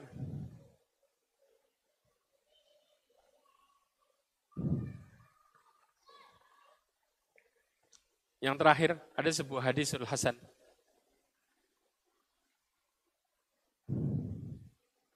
Diriwayatkan dan juga hadis sahih dalam sahihul jami' sebutkan inna rajula ini hadis menjelaskan kita nggak akan pernah sengsara di hari kiamat. Lihat orang yang cobaannya sedikit atau yang tidak berat dalam hidupnya maka kelak akan nyesel. Mereka orang-orang yang taat. Tapi cobaannya mudah karena banyak pendukungnya. Keluarganya mendukung dan lain sebagainya. Yang satu cobaannya berat dengan keluarga yang berat juga. Maka orang yang cobaannya berat akan lebih bahagia daripada orang yang cobaannya tadi banyak pendukung. Di dalam hadis Rasulullah mengatakan inna rajula la yakunu lahu al manzilah indallahi fama yablughuha bi'amal Fala yazalullah yabtalihi bima yaqra hatta yablughuhu iya. Rasulullah mengatakan sesungguhnya seorang mendapatkan kedudukan yang tinggi di sisi Allah bukan karena amal ibadahnya. Bukan karena amal ibadahnya. Tapi apa? Yang menyampaikan mereka kepada kedudukan itu maka ujian yang Allah berikan kepadanya yang tidak dia sukai hingga menyampaikan kepadanya kedudukan yang tinggi. Artinya, nanti Allah akan kumpulkan di hari kiamat orang-orang muslimin menjadi dua bagian. Paham ya? Yang disebut dengan ahlul musibah, ini contohnya, kemudian yang disebut dengan ahlul afiyah. Ahlul afiyah, contohnya di hadis yang kedua. Ya. Orang-orang yang ahlul musibah, Allah berikan kedudukan yang tinggi. Karena cobaan hidupnya. Rasul tidak mengatakan amal solehnya. Tidak mengatakan ibadahnya. Tapi cobaan hidupnya. Paham ya? Sedangkan orang-orang yang ahlul afiyah, ahlul afiyah ini, ya, saya kasih contoh. Dia dapat istri solehah, punya anak soleh, soleha. Siapa yang nggak berangan kayak gini? Usahanya gampang, tapi cobaannya datang. Tapi apa? Dengan pendukung yang segitu luar biasanya, cobaannya tidak terlalu berat baginya. Paham ya? Yang satu, yang ahlul musibah, istrinya cobaan buat dia. Anaknya cobaan buat dia. Hidupnya kerja jatuh bangun lagi. Begitu naik bangun jatuh lagi. Terus gini terus. Ya. Ini yang disebut dengan ahlul musibah. Ya. Yang ahlul afiyah yang seperti tadi. Nah, sedangkan ahlul afiyah perhatikan baik-baik. Pada hari kiamat orang yang mendapatkan kenikmatan di dunia. Dalam hadis Yawad dikatakan Yawadanna ahlul afiyah. Orang-orang yang sehat di masa dunianya berangan-angan. Afiah di sini mereka mendapatkan kemudahan. Ya, makanya Allah mengatakan ahlul afiyah. Ya. An anna juludahum quridat bil maqarid bima yarawna min thawabi ahlil bala. Mereka minta kulitnya dikuliti, kemudian digunting-gunting tuh kulitnya. Mereka minta dagingnya dipotong-potong. Kenapa? Gara-gara melihat orang-orang yang tadi dapat musibah dapat kedudukan yang tinggi. Maka mereka minta, ya Allah bangkitkan kami sekali lagi, potong-potong daging kami, kulit kami. Supaya kami dapat yang kayak gitu. Nyesel mereka. Makanya kalau kita dapat cobaan yang besar, kita akan jadi orang yang paling bahagia nanti di hari kiamat. Di hari yang tidak ada naungan kecuali naungan Allah. Illa dillah. Mudah-mudahan ini semua bisa menjadi motivasi buat kita semua. Sebelum saya tutup, ada pertanyaan? Masya Allah. Cuma dua ya. Alhamdulillah.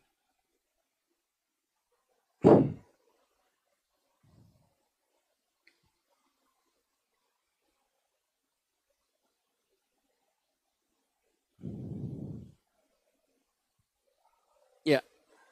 Ah. Ini pertanyaannya. Ini kadang-kadang sering terbesit sama orang-orang yang kemudian ketika memahami hal ini, akhirnya kita jadi salah paham seringnya. Bolehkah meminta agar diberikan kesabaran meskipun waktu itu tidak lagi terkena musibah. Paham ya? Kemudian apakah termasuk ujub? Dengan meminta kesabaran berarti meminta ujian. Jangan salah pengertian dalam perkara sabar. Ada orang yang kadang-kadang punya pengertian sebaliknya. Pernah saya ditanya, Ustaz, katanya kita nggak boleh meminta apa namanya berdoa untuk diberikan kesabaran. Berarti kalau kita berdoa diberikan kesabaran, berarti sama saja kita berdoa supaya dikasih cobaan dong. Jadi supaya nggak dikasih cobaan, hidupnya gampang, jangan minta sabar. Ini pengertian yang salah.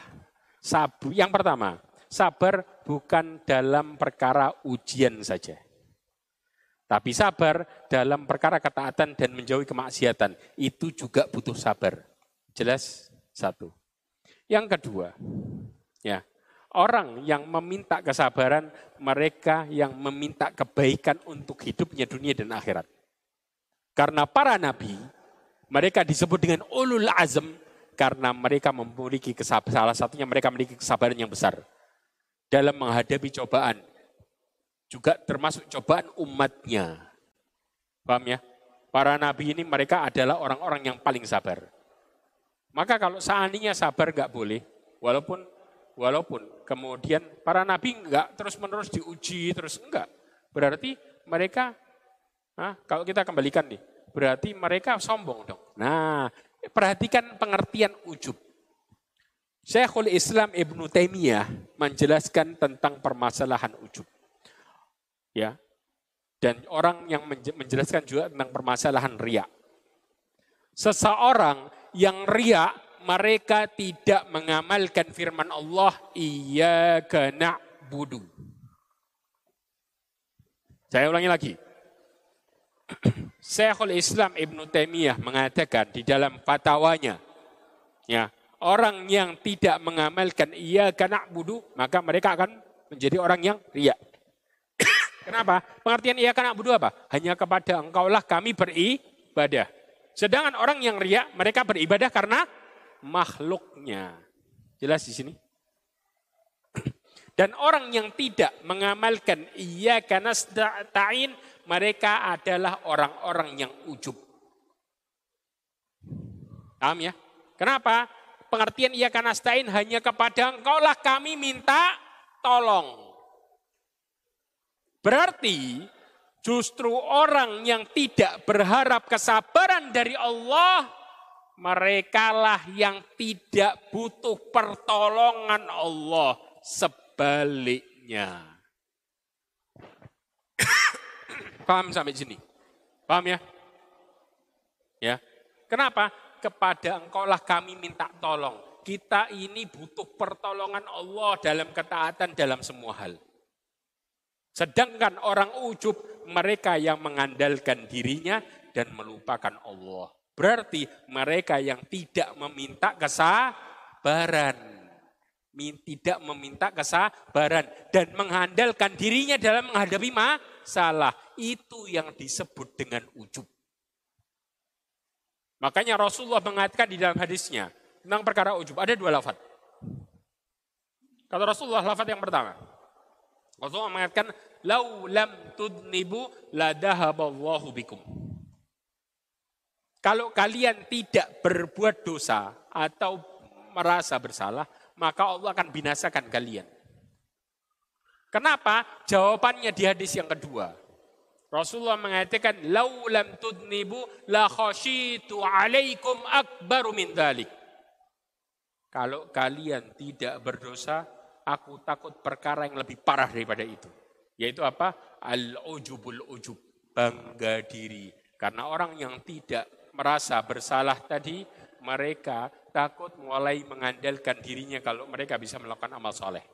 Lalu mereka melupakan Allah kalau Allah yang memberikan mereka petunjuk sehingga mereka bisa melakukan amal soleh. Faham di sini? Jadi ini pengertian yang harus kita fahami. Maka pahamilah pengertian ujub tadi. Ya. Ini kata-kata ini juga disampaikan oleh Syekhul Islam Ibnu Taimiyah dalam perkara mengartikan tadi hadis tadi. Disebutkan tentang masalah perkataan ini.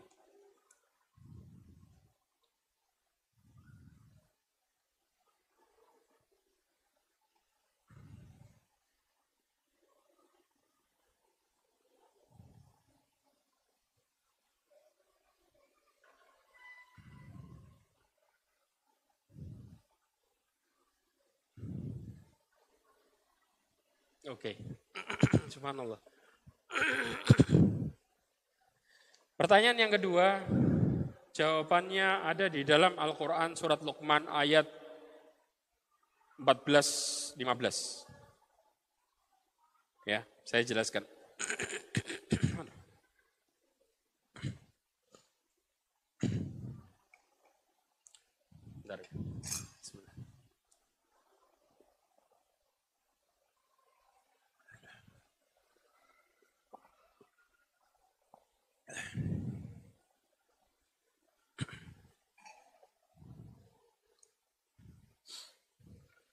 Perhatikan baik-baik. Ini pertanyaannya. Mohon nasihatnya Ustaz. Apakah benar keputusan saya keluar dari lembaga riba tanpa sepengetahuan orang tua? Kemudian yang kedua, apakah ini termasuk kesabaran dalam menaati Allah dan Rasulnya? Perihal meninggalkan riba, meskipun orang tua tidak mengetahui, karena orang tua beranggapan bekerja di bank itu boleh. Jazakallah khair. Ya. Coba perhatikan baik-baik. Yang pertama, sebelum kita bahas masalah dalil ini, ya, di dalam ayat 14 15, ya. Sebelum kita bahas masalah surat, surat Luqman ini. Saya ingin bahas Allah Subhanahu wa taala berfirman. Uh, Rasulullah SAW menjelaskan dalam hadisnya. Kata Rasulullah, "Talatan." Tiga perkara, tiga hal. Maka nafihi wajada bihinna halawatal iman Barang siapa yang ada di dalam diri seseorang, mereka akan merasakan nikmatnya iman. Asas yang pertama, yang pertama adalah Allah wa rasuluhu ahabbu ilaihi mimma siwahuma. Menjadikan Allah dan Rasulnya yang pertama yang paling dicintai daripada selainnya. Berarti cintanya semua karena apa? Allah dan Rasulnya dulu. Pertama kali. Ini kita harus pegang. Berarti yang menyelisihi ini gugur. Jelas? Satu. Yang kedua, yang kedua, asas kedua, ini jalan. Yang kedua, wa yuhibbul mar'a la yuhibbuhu illa lillah. Dan tidaklah seseorang cinta kepada orang yang lain tidaklah saling cinta kecuali karena Allah. Lah kalau kemudian cinta karena Allah, tapi ada maksiat di situ. Kalau cinta karena Allah ditinggalin, apa diterusin? Diter, ditinggalin. Jelas? Ya, itu satu.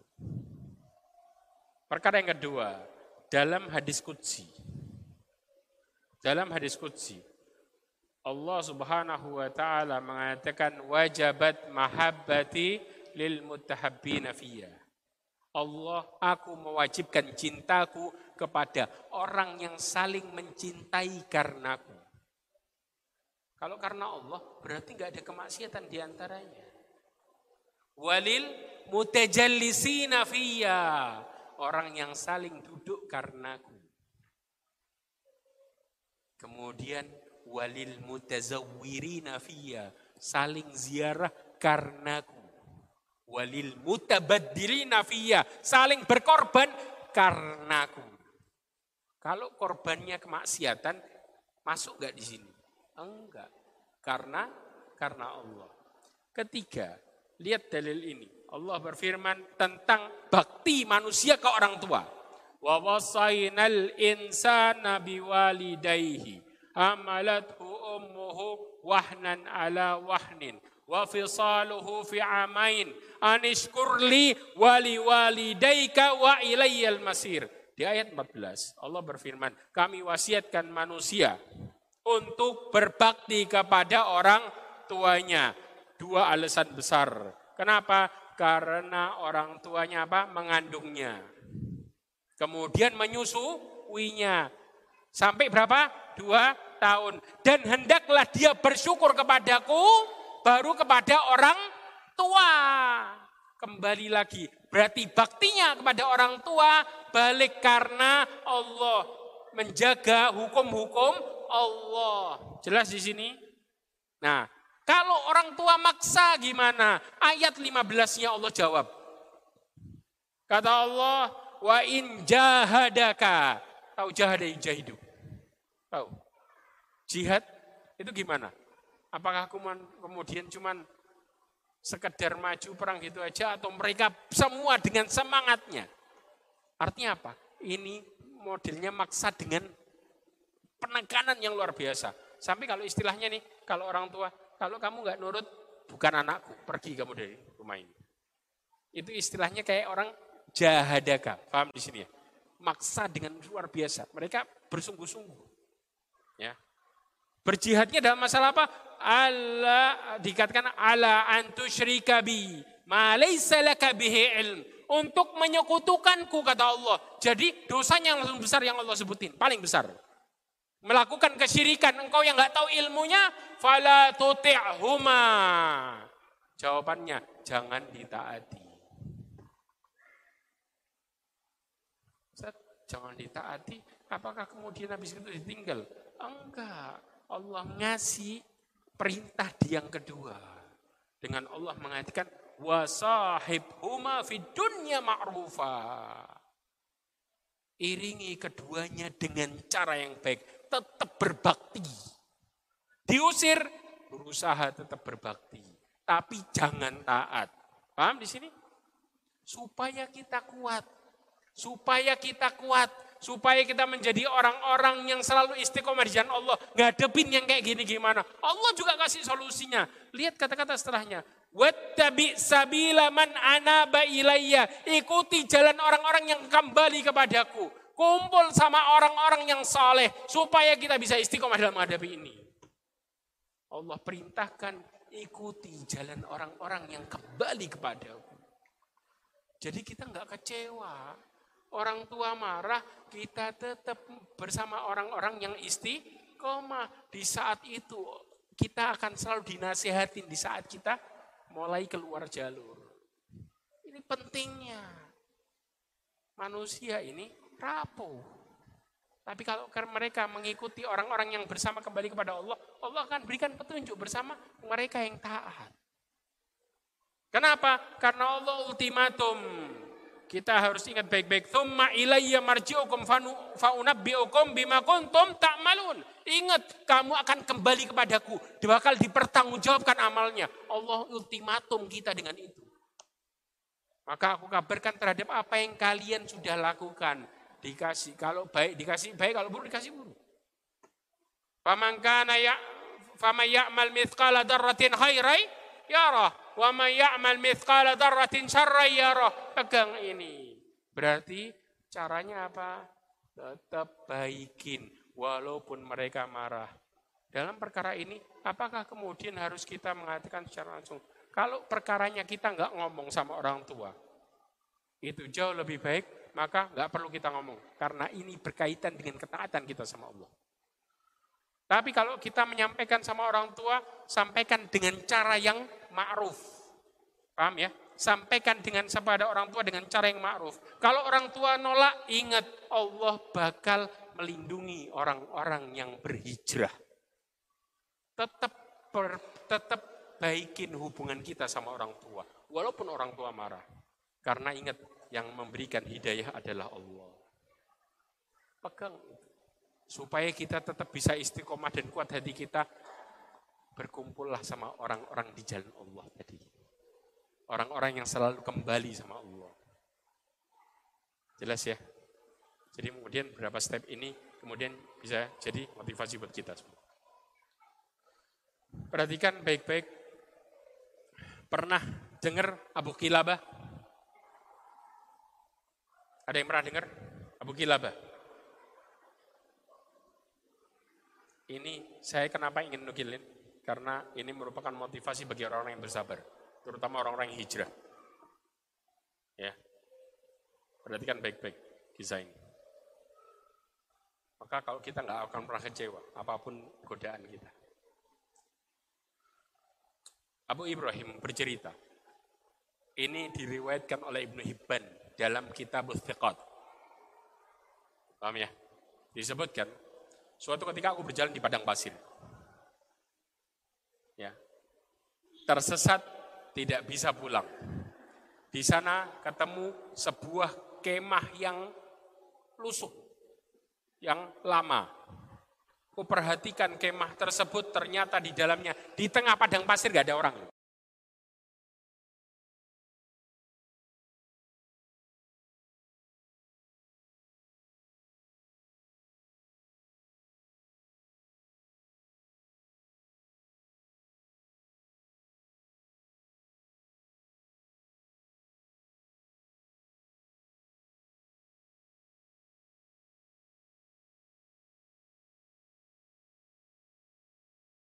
Mengucapkan beberapa kalimat. Ketika aku mendekat mendengar ucapannya, ternyata dia mengulang-ulang Alhamdulillahilladzi faddalani ala kathirin mimman khalaqa tafdila. Alhamdulillahilladzi faddalani ala kathirin mimman khalaqa tafdila. Itu yang keluar dari lisannya terus. Apa artinya? Segala puji bagi Allah yang memberikanku kelebihan dari atas kebanyakan manusia. Kita bingung, kelebihan apa? Buta, buntung, ya, tua, sakit sendiri. Kita tanya-tanya, kelebihan apa nih? Sama, Abu Ibrahim yang mengisahkan dia juga bertanya-tanya.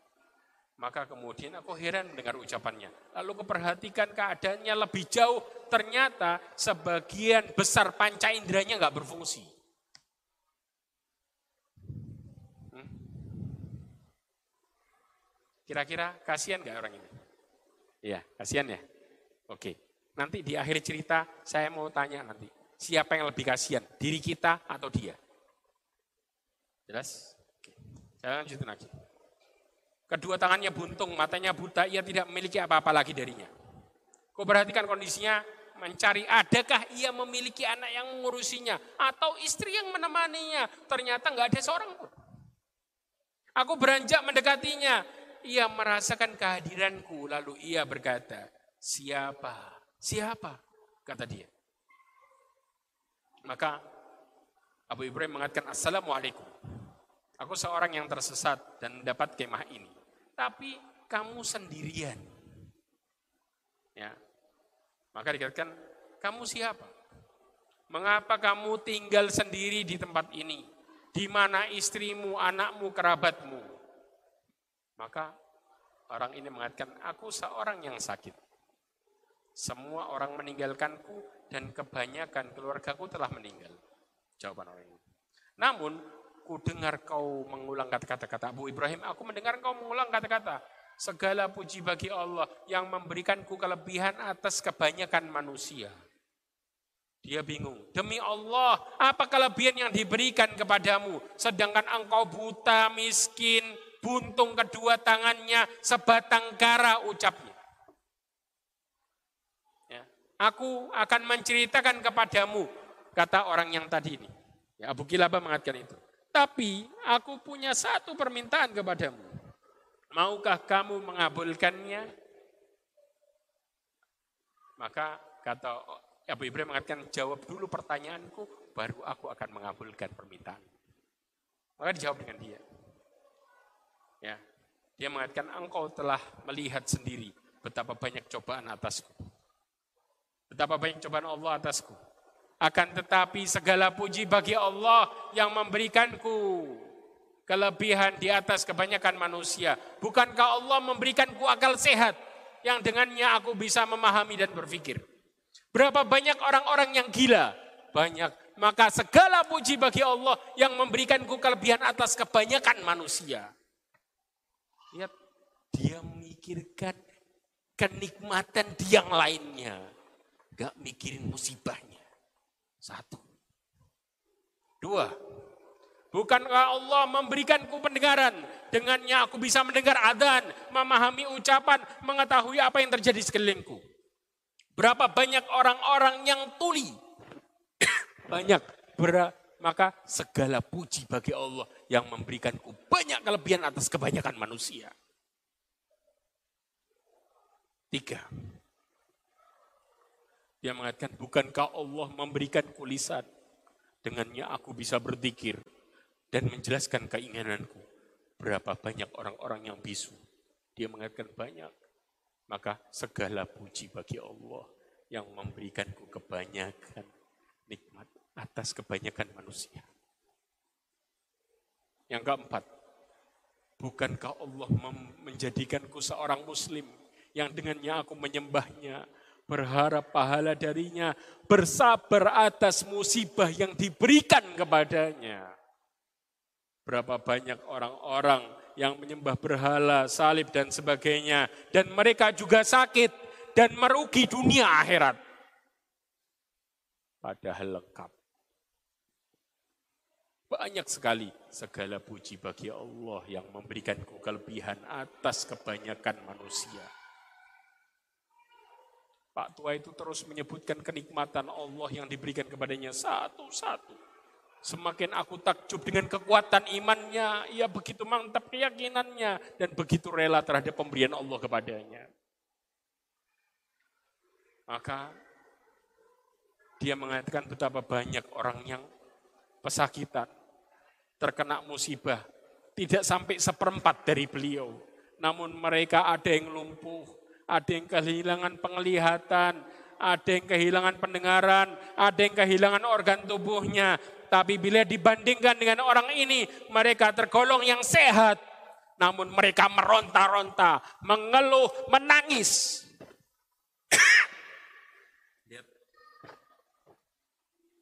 Pertanyaannya sekarang, siapa yang kasihan? Kita atau dia? Siapa yang kasihan di sini? Yang perlu dikasihani siapa? Kita atau dia? Terbalik sekarang. Kita yang kasihan. Cobaan kita sama dia, gak ada apa-apa. Tapi dia menjadi orang yang paling bahagia.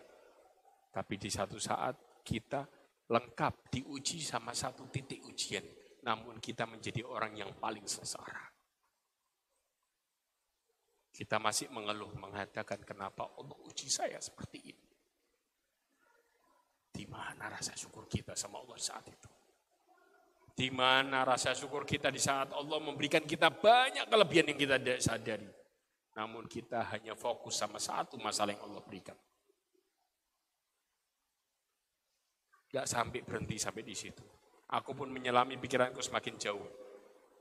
Lalu tiba-tiba Pak Tua mengatakan, Bolehkah ku sebutkan permintaanku sekarang kata orang tua tadi. Maukah kamu mengabulkannya? Kata Abu Ibrahim, iya. Apa permintaan? Maka aku menundukkan kepala sejenak seraya menangis. Ia berkata, tidak ada lagi yang tersisa dari keluargaku, melainkan seorang anak berumur 14 tahun. Dialah yang memberikanku makan minum, serta mewudukkanku mengurus segala keperluanku. Sejak tadi malam dia keluar mencari makanan untukku sampai pagi. Ini dia belum kembali.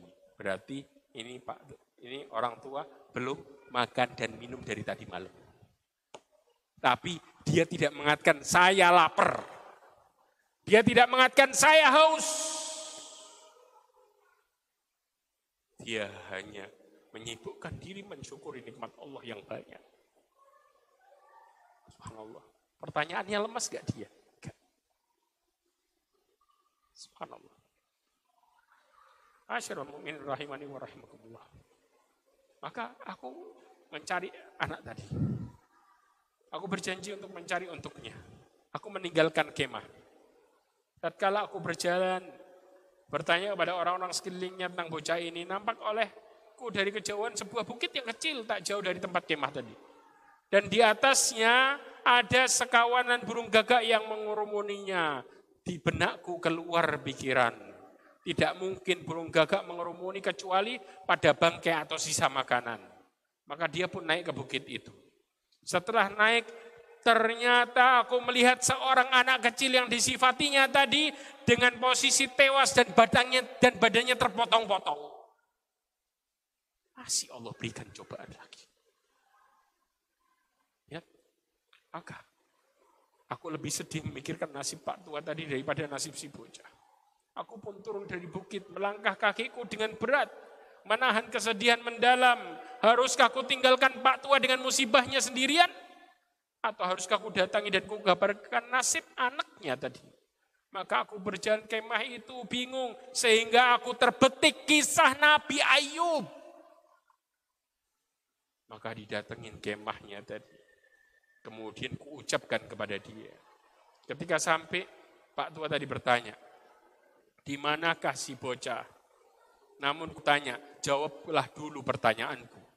Siapa yang lebih dicintai Allah, engkau atau Nabi Ayub? Kata dia, tentunya Nabi Ayub. Siapa yang lebih Allah, siapa yang lebih berat cobaannya, engkau atau Nabi Ayub? Tentunya Nabi Ayub. Kalau begitu berhalaplah pahala dari Allah karena aku mendapati anakmu tewas di lereng gunung diterkam serigala dan dikoyak-koyak tubuhnya.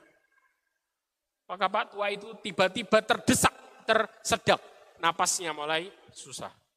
Kemudian dia mengatakan, La ilaha illallah. Dan tubuhnya pun nyawanya lepas dari tubuhnya.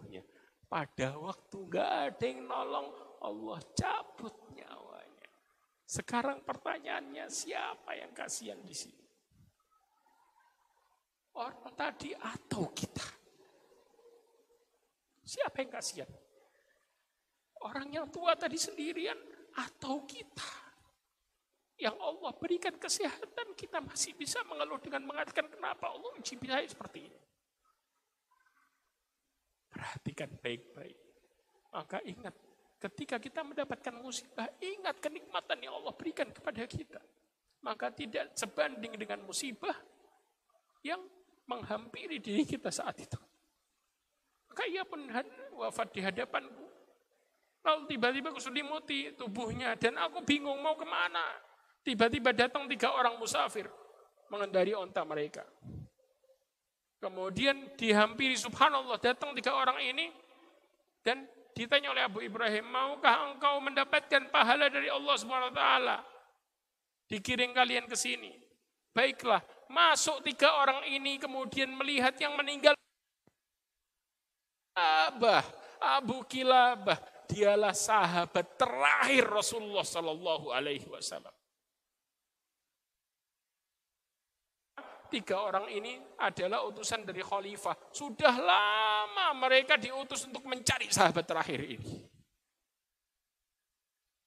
Dapati Pas waktu ajalnya. Subhanallah Allah mengatur orang-orang yang sabar dengan indahnya. Ini maka dari sekarang jangan pernah berkecil hati, bahagialah di saat Allah menguji kita. Berarti Allah bahwasanya kita mampu menghadapinya serta Allah cinta kepada kita untuk mengangkat derajat kita dan menghapuskan dosa-dosa kita putus asa dengan ujian karena itu tanda cinta Allah buat kita semua. Wallahu alam bisawab mudah-mudahan ini nasihat buat kita semua, motivasi buat kita semua dan ingat orang-orang yang bertauhid mereka lah yang kuat dan bersabar. Berikan. Wallahu alam bisawab. Subhanakallahumma wa bihamdika asyhadu an la ilaha illa anta astaghfiruka wa atubu ilaik. Allah berikan kita istiqomah. Allah berikan kita kekuatan dalam menghadapi hidup. Serta Allah subhanahu wa ta'ala golongkan alihin dan para syuhada. Dan mudah-mudahan Allah masukkan kita semua ke dalam jannatun na'im. ورحمة الله وبركاته.